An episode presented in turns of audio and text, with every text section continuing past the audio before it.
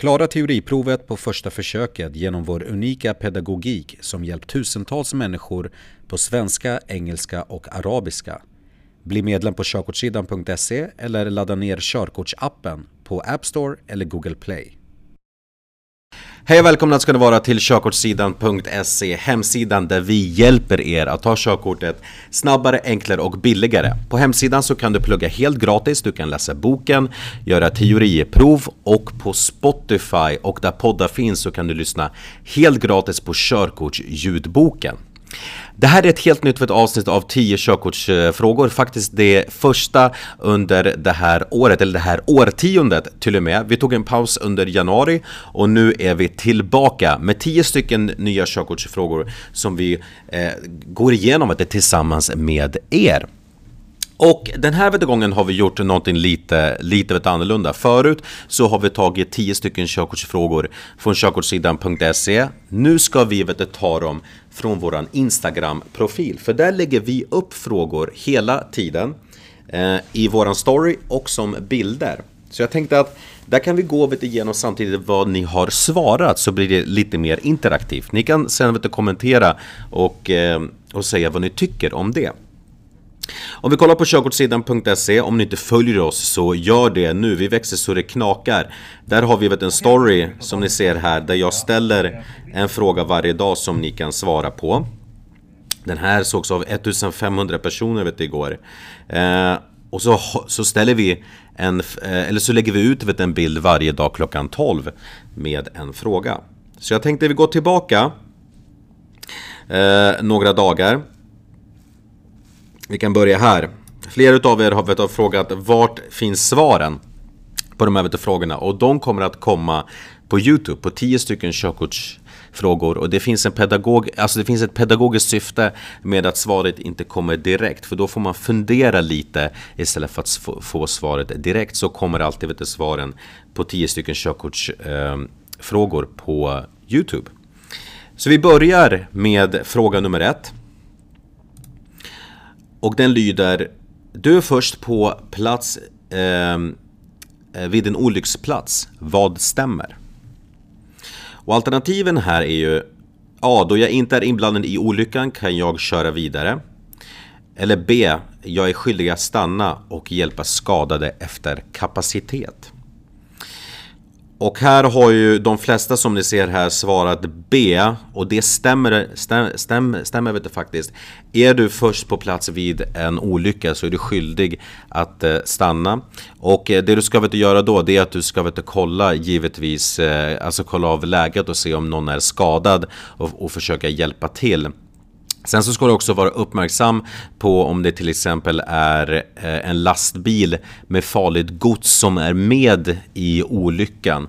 Och det kan du se vet du, genom att lastbilen har orangea skyltar eh, på sig. Och har den det så behöver du faktiskt eh, flytta vet du, på dig och akta dig för, det, för då kan det vara brandrisk vid olycksplatsen. Så här är alltså rätt svar B.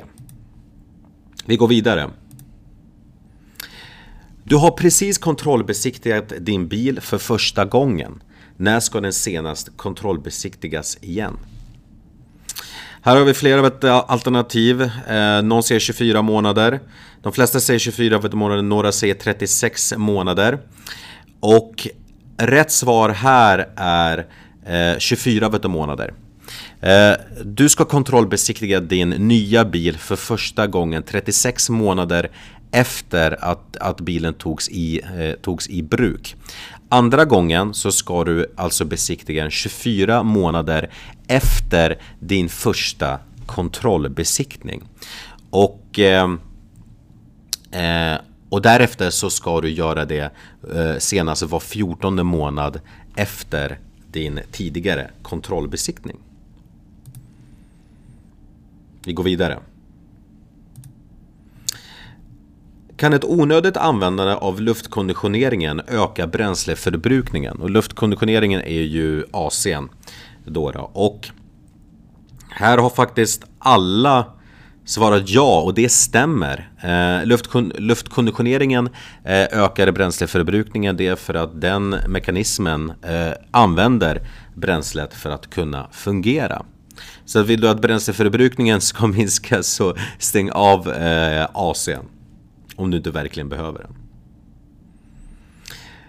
Vi går vidare.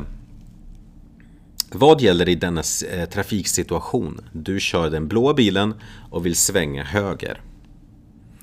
Eh, och alternativen här är ju att eh, A. Innan, in, innan mopedisten fortsätter i korsningen är denne skyldig att låta mig svänga höger. Eller B. Jag får inte hindra mopedisten i högersvängen. Så här kör ju du och en moped eh, kör här i din döda vinkel och mopedisten ska köra rakt fram och du ska svänga höger. Och här måste du vara försiktig. Det här är ju en, en vanlig situation där det blir en trafikolycka mellan bilister och mopedister och cyklister. Så att här, här är rätt svar som, ja det är lite mixade eh, svar här men Eh, men rätt svar här är B. Jag får inte hindra mopedisten i högersvängen. Så här är, är det jätteviktigt att du blinkar i god tid så att du eh, ger tecken till, till eh, alltså till mopedisten att du vill svänga höger. Men att du anpassar hastigheten till korsningen tittar i döda vinkeln och eh, ser om det kommer någon mopedist eller, eller cyklist.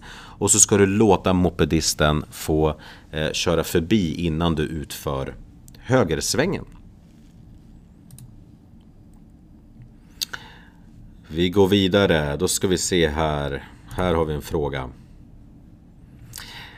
Det är hårt packad snö ute. Hur påverkar det bilens och däckens grepp på underlaget? Och här är alternativen A. Positiv. Dubbar får ett bättre grepp på hårt packad snö. B. Negativt. Hårt packad snö är mycket halt. Eller C. Det spelar ingen roll. Snö som snö. Här har många svarat B. De flesta har svarat B. Någon har svarat C. Och, eh, eh, eh och rätt svar är B.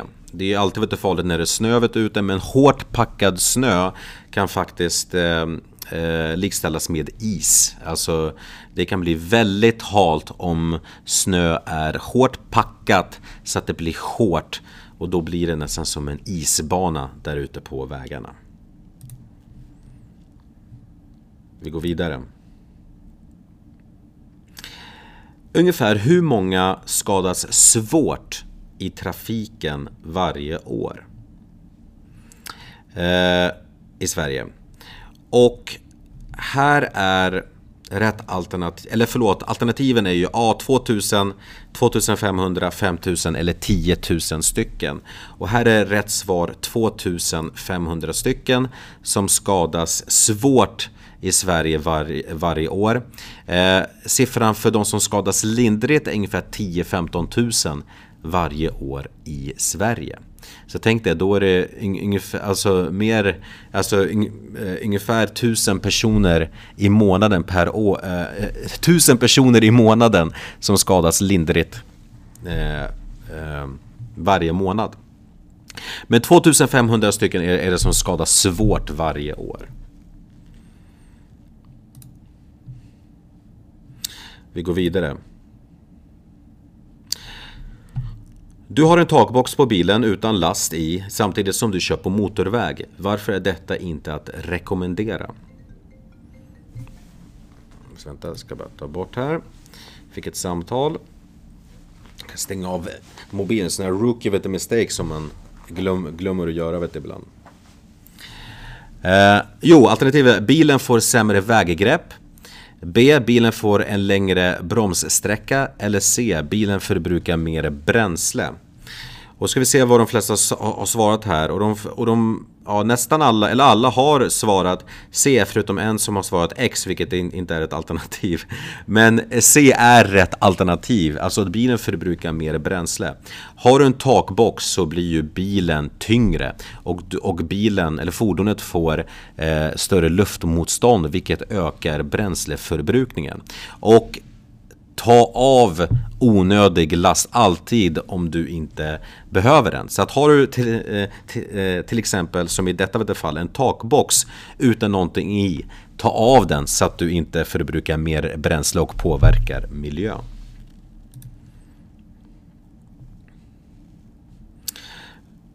Vi, vi går vidare. Vad gäller i ett gångfartsområde? Och det kanske inte syns så jättebra här i bild men ett gångfartsområde det är ju ett område med en sån här skylt. Eh, och alternativen är A. Högsta tillåtna hastighet är 30 km i timmen. B. Gående har alltid företräde. Eller C. Du får bara köra in där om du verkligen måste. Och här är rätt svar att gående har alltid företräde.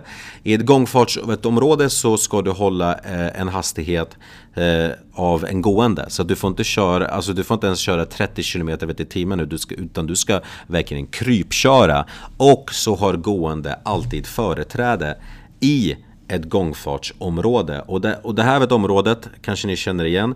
Det här är ett gångfartsområde utanför Gabriels trafikskola i Jakobsberg. Så där ska man vara väldigt försiktig och till vänster här så är Jakobsbergs pendeltågsstation där väldigt tusentals personer varje dag korsar vägen här. Så därför är det viktigt att, eh, eller det är därför man har gjort ett gångfartsområde just där. Ska vi se hur många frågor vi har gått och igenom så att jag inte tappar räkningen här. Vi har gjort en, vi har gjort en, två, tre, eh, fyra, fem, sex, sju. Okej. Okay. Eh, då tar vi nästa fråga. Är det tillåtet att köra ett, ett helt varv och vända i en cirkulationsplats? A. Ja, men det är inget att rekommendera. B. Ja, det är, säk det är ett säkert sätt att vända på. Eller C. Nej. Vad har folk svarat då? Eller våra följare? Eh, de flesta har svarat B, vilket stämmer. Eh, du får absolut vända i en, i en cirkulationsplats. Faktum är att det är eh, det rekommenderade, det rekommenderade sättet att vända eh, på. Så att det är jättebra om du kan vända i en cirkulationsplats eh, plats. Du ska ju helst vet, undvika en U-sväng eller vända på en plats som, eller där det är förenat med fara.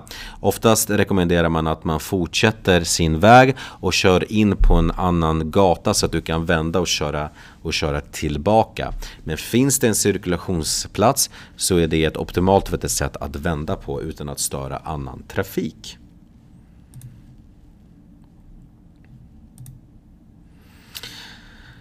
Lite mer siffror då. Eh, om alla, om alla inte körde för fort och höll hastighetsbegränsningen, hur många liv skulle man rädda per år? 20 50 stycken, 60 90 stycken eller 100 150 stycken. Och här är rätt svar. Ska vi se först vad ni har svarat. Eh, de flesta har svarat C, några har svarat A. Men de flesta har svarat C, vilket är rätt svar. Om alla höll hastigheten på svenska vägar så skulle man rädda 100 till 150 liv per år. Kan du tänka dig om alla bara höll hastigheten så skulle man rädda så många liv. Så tänk vet på det när du är ute på vägarna att när du har lite extra bråttom så är det inte värt att köra för fort för att riskera liv. Så håll hastigheten och håll avståndet. Eh, vi går vidare. Ska vi se här. Eh, har vi kommit till den sista frågan redan? Ja, men det tror jag. Eh, ska vi se här. Sådär. Vad stämmer om oljelampan? Oljelampan är nummer tre i bild. A. Lyser den så ska du fylla på med bensin snarast. B. Ly, eh, lyser, nu har jag skrivit fel, men det ska stå ly, lyser den ska du fylla på med bränsle oavsett, oavsett sort. Eller C. Lyser den ska du stanna direkt och stänga av motorn. Nu ska vi se vad folk har svarat. Eh, de flesta utav er har svarat C, vilket stämmer. Lyser oljelampan så ska du med omedelbar verkan stanna vid bilen och undersöka, eh, och undersöka problemet. Ta bilen direkt till en verkstad så de får kontrollera vet bilen innan du kör, innan du kör vidare. För eh, eh gör du det, eh, du måste ju ta bilen till eh, till verkstaden. Eh, men kan det vara riktigt allvarligt så kanske du behöver ringa någon som boxerar bilen. Eh, men lyser den här lampan så ska du ta det på högsta allvar och låta en verkstad undersöka problemet så att du får bilen fixad innan du använder bilen igen.